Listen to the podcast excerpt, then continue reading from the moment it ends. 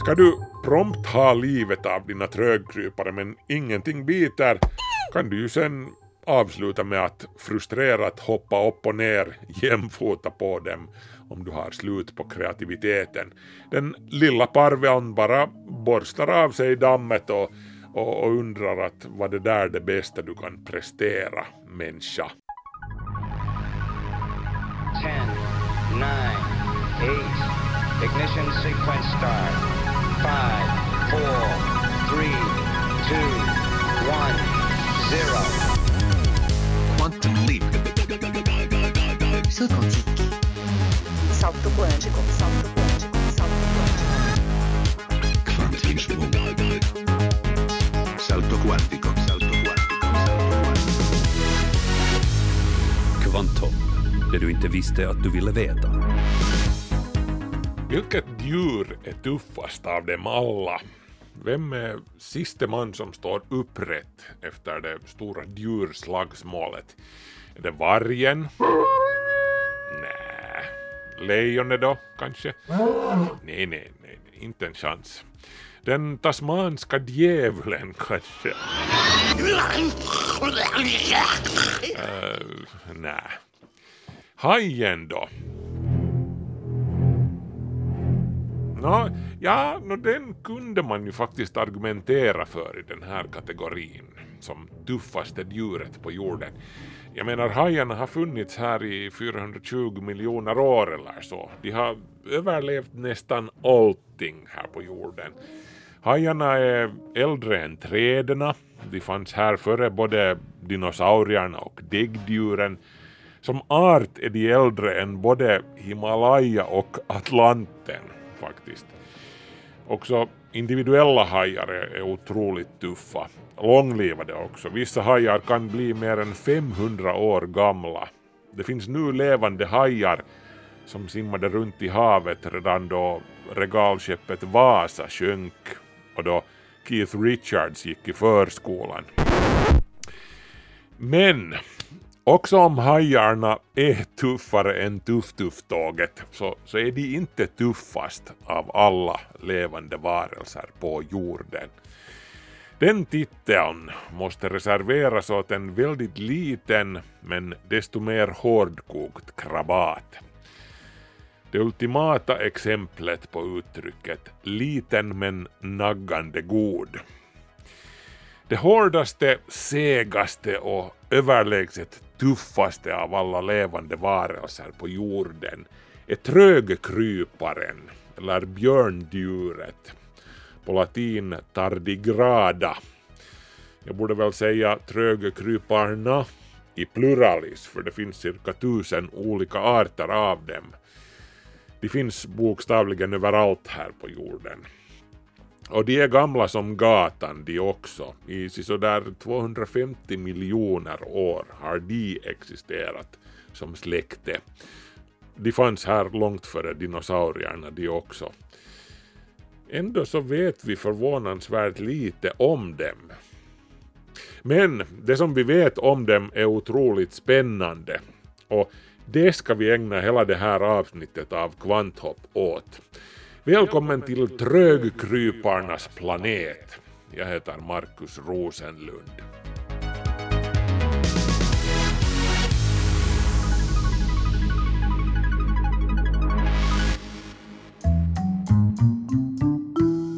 Trögkryparna, de är pyttesmå ryggradslösa djur, maximalt en och en halv millimeter långa.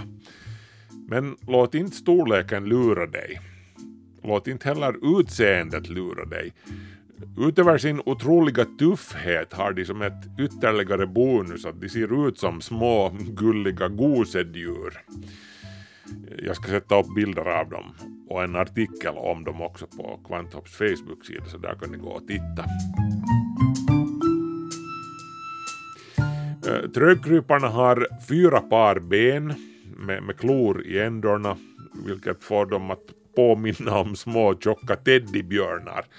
Därav smeknamnet björndjur, som vissa kallar dem. Och de finns alltså bokstavligen så gott som överallt här på jorden. De finns högt uppe på bergstopparna, eh, längst nere i havsdjupen och, och i alla tänkbara miljöer från tropiska regnskogar till Antarktis glaciärer. Men du behöver inte gå långt från din egen ytterdörr för att hitta dem. Och då ska du tänka blöta miljöer, helst sötvatten. Du stöter på dem till exempel i sjöarnas bottengyttja.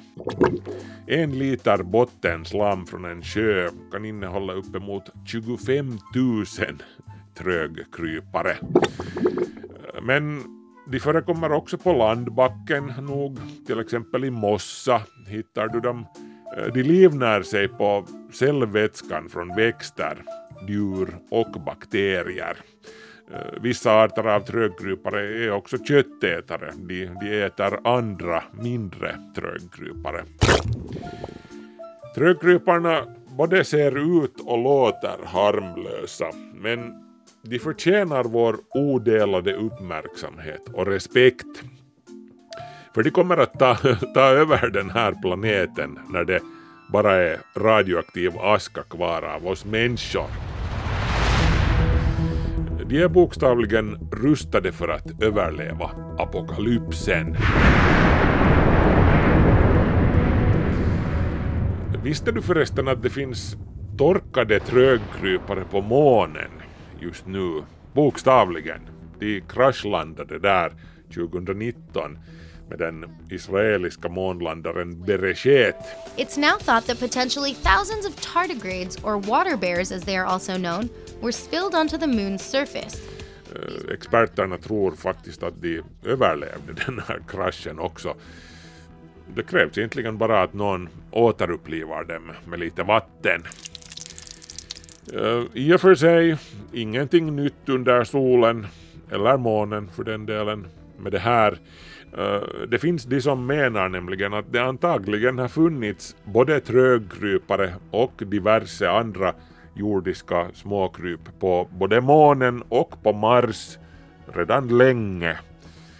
I, I så fall så har de åkt snålskjuts dit på, på stenar som har kastats upp från jorden i samband med ett eller annat större asteroidnedslag. Det här fenomenet kallas litopanspermi.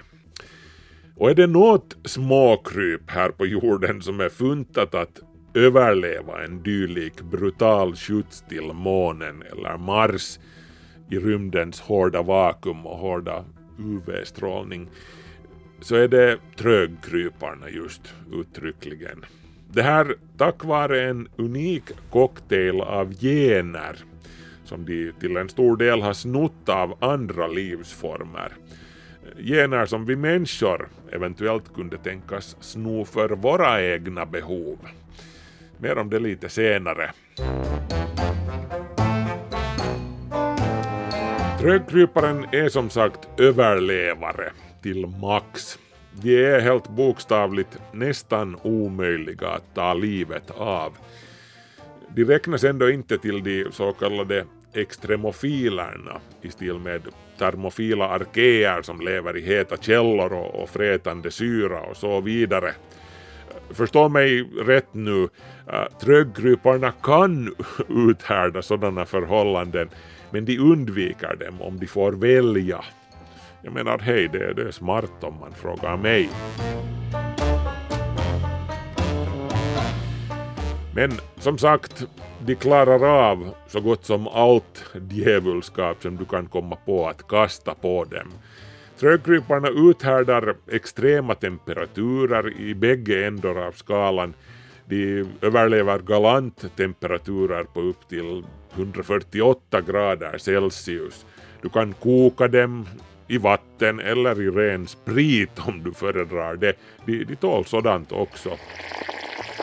Och, och du kan frysa ner en trögkrypare till temperaturer strax ovanför den absoluta nollpunkten. Din frysbox ska vi inte ens tala om, den, den är ingen match för en trögkrypare.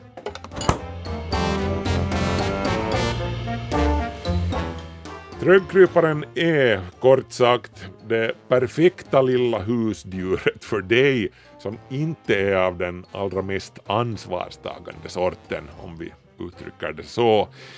I motsats till din hund som får ledsamt efter dig så fort du går till jobbet kan du lämna din trögkrypare ensam hemma utan mat och vatten medan du säg nu seglar jorden runt i tio år eller så. Var inte orolig, han är fullständigt okej när du kommer hem igen. Lämna honom i frysen om du så vill. Inget problem för den här lilla typen. Trögkrypare kan bevisligen torkas ner och lämnas åt sitt öde i uppemot 30 år och återupplivas helt enkelt genom att stänka lite vatten på dem. Jämför det här med en människa som stryker med efter bara sådär tre dygn utan vatten. Jobbar du som astronaut så kan du till exempel ta med din trögkrypare till rymdstationen när du far på jobb. Du kan till exempel lämna honom i en plastpåse utanför dörren i, i mer än en vecka i rymdens vakuum. Han överlever det också, inget problem. It can travel naked in the cold vacuum and intense radiation of space and will return unscathed. The tardigrade. Det har testats faktiskt det här. 2007 utsatte europeiska forskare en skara trögkrypare för rymdens hårda vakuum och extrema temperaturer i tio dagar ombord på en rysk rymdfarkost. En del av trögkryparna var direkt utsatta för solens UV-strålning under hela tiden. Andra höll man i skuggan. Vi ska minnas att solens UV-strålning alltså är mycket starkare utanför jordens atmosfär där inget ozonskikt finns som skärmar av den. Nå, hur som helst, när trögkryparna togs tillbaka ner på jorden visade sig att 68 procent av dem som skyddades från UV-strålningen men inte mot rymdens vakuum hade överlevt. Till och med en handfull av dem som hade grillats av solen också överlevde och fortsatte glatt att föröka sig som om inget speciellt hade hänt. Trögkryparna de pallar alltså för UV-strålning men också för massiva doser röntgen och gammastrålning som skulle döda de allra flesta livsformer på jorden. Faktum är att trögkryparna överlever joniserande strålning som är tusen gånger högre än de doser som får en människa att krokna. Aj, vad sa du att du är, du är djuphavsdykare? Är du på väg ner till Marianergravens botten? Inget problem, du kan ta med din trögkrypare dit också. Eh, du behöver inte ens ta in honom i, i batyskafen, alltså den här djuphavsubåten. Trögkryparna kan uthärda tryck som motsvarar sex gånger trycket i jordens djupaste djuphavsgravar. Ska du prompt ha livet av dina trögkrypare men ingenting biter kan du ju sen avsluta med att frustrerat hoppa upp och ner jämfota på dem om du har slut på kreativiteten. Den lilla parveln bara borstar av sig dammet och, och, och undrar att vad det där det bästa du kan prestera, människa.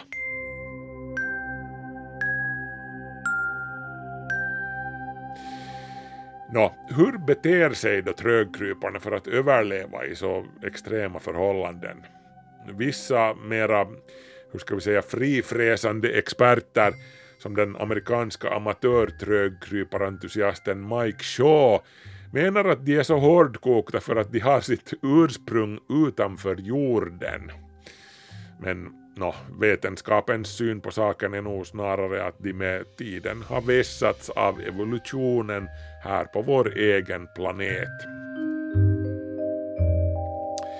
Eh, vad en trögkrypare gör i praktiken då den hittar sig själv i, i svåra omständigheter, som extrem torka till exempel, är att den går in i ett tillstånd som väldigt mycket påminner om döden, dock utan att den på riktigt är död. Den lever, men bara nästan. När det blir hett om öronen eller torrt om öronen rullar trögkryparen ihop sig till en liten boll som kallas tun. Dess ämnesomsättning saktas nu ner till en tiondels procent jämfört med normala nivåer. Vissa vattenlevande trögkrypararter kan till och med stänga av sin metabolism helt och hållet. Det här tillståndet kallas kryptobios. Det är en sorts extrem dvala helt enkelt. För att uppnå den här kryptobiosen producerar trögkryparen en speciell sorts skyddande socker kallat trehalos som är besläktat med glukos. Det här bildar ett slags skyddande gel som omsluter och bevarar organellerna och, och cellmembranen. I sitt tillstånd som tun kan trögkryparen sedan existera i årtionden. Men vi ska alltså minnas att den inte är en bit livlös materia i det här tillståndet. Den är fortfarande tekniskt sett vid liv. Fast ju längre undantagstillståndet varar, desto sämre är chansen för att trögkryparen ska kunna vakna ur sin dvala igen när normala förhållanden återvänder. Men om så sker, då kan den återgå till normal metabolism inom några futtiga timmar. Trögkrypare är, som största delen av livet på jorden, beroende av syre för sin överlevnad. Skulle tillgången på syre sjunka så mycket att normal andning blir omöjlig har trögkryparen en smart strategi för också det här. Den sträcker ut sig som en katt liksom och låter än en gång sin metabolism sakta ner. Tack vare trögkryparens utsträckta tillstånd med avslappnade muskler kommer maximalt med vatten och syre att nå dess celler.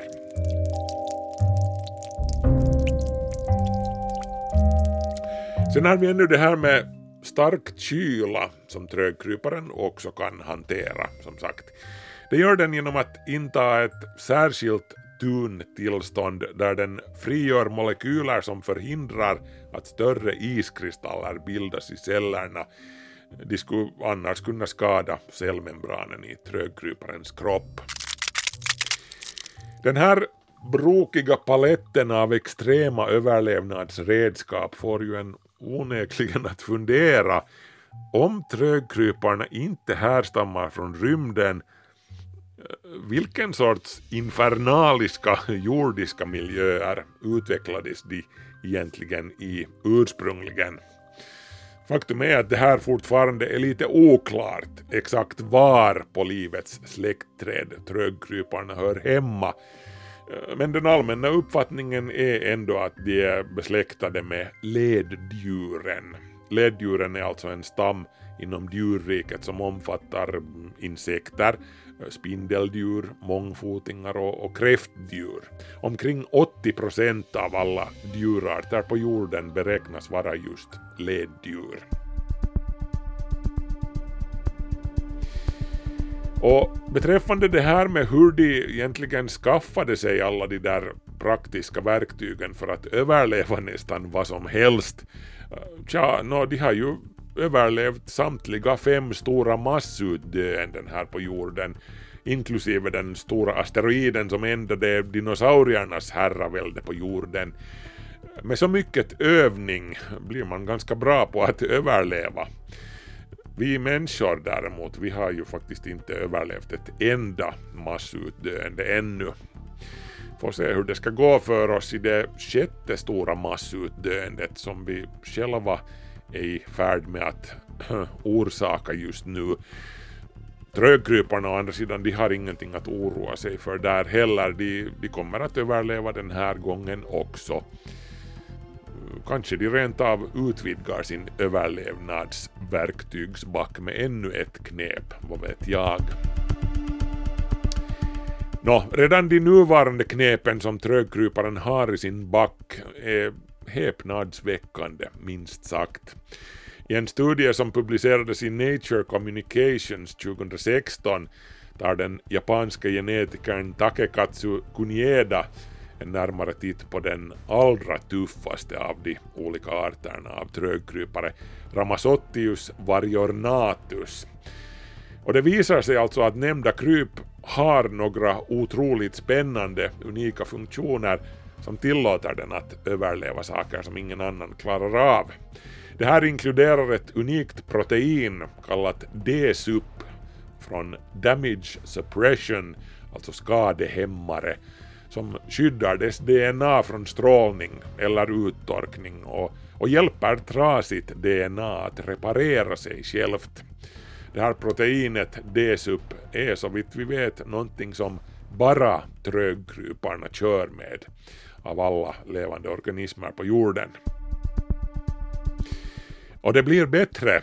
Forskarna testade alltså att klistra in DSUP-genen i mänskliga celler som odlades i en petriskål.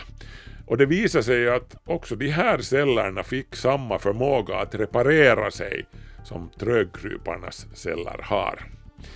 Och det här öppnar ju i princip spännande nya dörrar till all världens potentiella medicinska tillämpningar inom genterapin.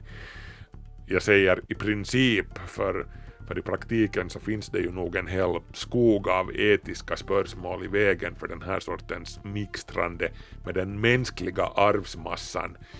Men lånta gener från trögkrypare kan bidra till vår överlevnad på andra smarta sätt också om vi inte börjar avla fram bombsäkra människor.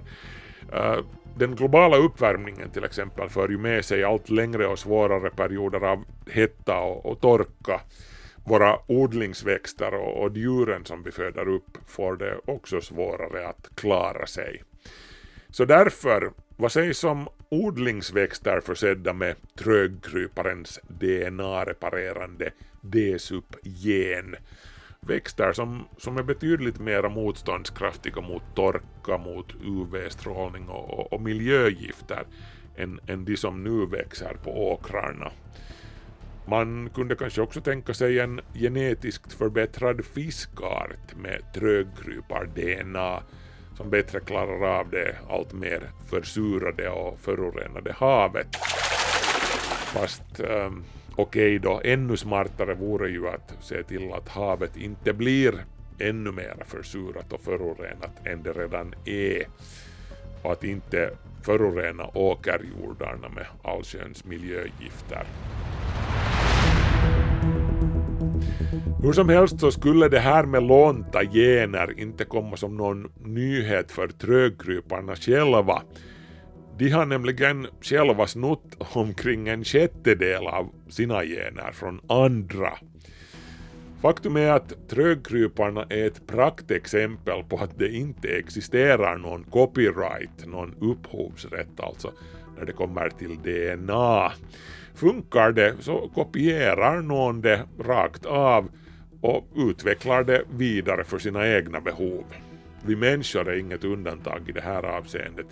Så vitt vi vet så innehåller vårt eget DNA mer än 140 olika gener som vi har stulit från diverse virus och bakterier och, och diverse encelliga organismer under årmiljonernas lopp. Trögkryparna de tycks bara ha odlat det här DNA-plagierandet till en ädel konstart.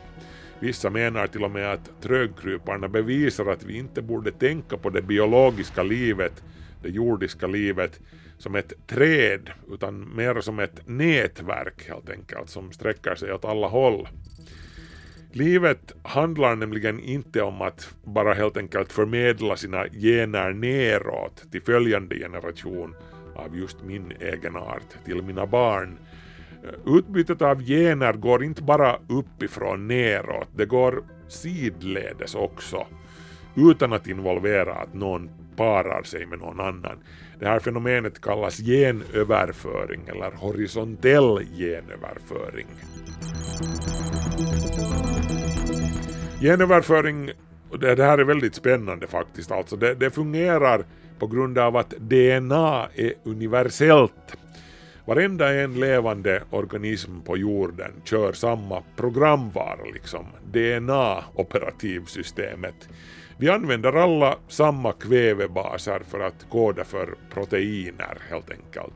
Vi, bakterierna, svamparna, girafferna och gäddorna etc. etc.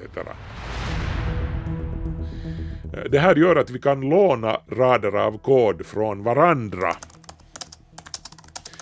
Faktum är att just bakterierna är särskilt förtjusta i den här sortens sidledes skyfflande av gener. Det är bland annat just så här som de lär varandra att bli resistenta mot antibiotika.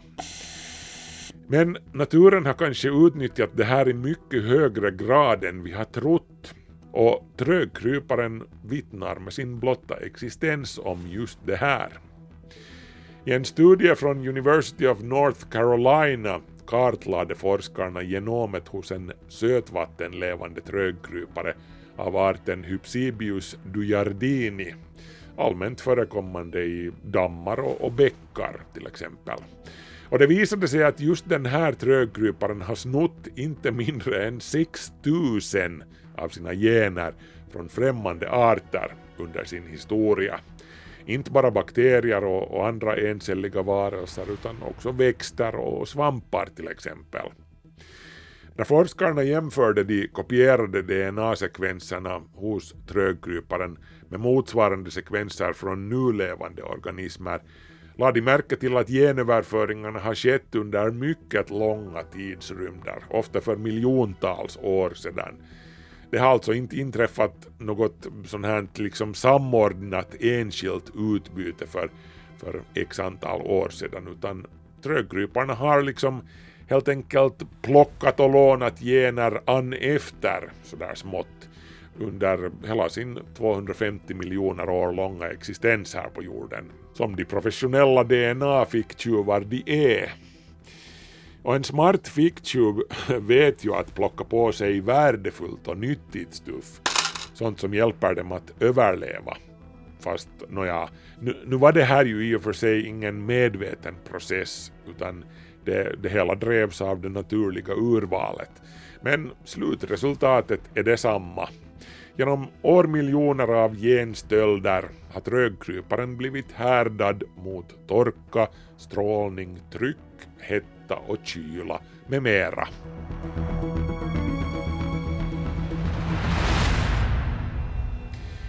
Forskarna från University of North Carolina, som alltså studerade den här trögkryparen, de har en teori om hur den har gått tillväga när den har norpat alla de här praktiska generna från diverse förbipasserande organismer. Det hela har att göra med sättet som trögkryparna torkar ut när det blir brist på vatten. Som sagt så knycklar de ihop sig till en liten torr boll som alltså kan ligga och vänta på regn i, i allsköns ro i, i årtionden om så krävs. När den uttorkade och hopskrynklade trögkryparen sent om sidor sen får sig en slurk vatten, eh, då är, då är dess cellmembran temporärt glesare än normalt. Då kan det liksom läcka in ett och annat av sådant som annars inte skulle få tillträde till trögkryparens celler, som till exempel bitar av bakterier och deras DNA. Och sedan när tröggryparen börjar köra sin häftiga lilla cellreparerande rutin som pusslar ihop dess eget DNA som har tagit stryk i torkan, då följer det med den ovannämnda sortens diverse främmande stuff utifrån som sedan bara blir kvar där helt enkelt, som, som legoklossar som från någon helt annan byggsats som har fastnat i trögkryparens byggsats. Och med lite god tur så visar det sig att det är DNA som kodar för någon nyttig egenskap. Och, och sen vips har du en ny, förbättrad och ännu mera bombsäker trögkrypare.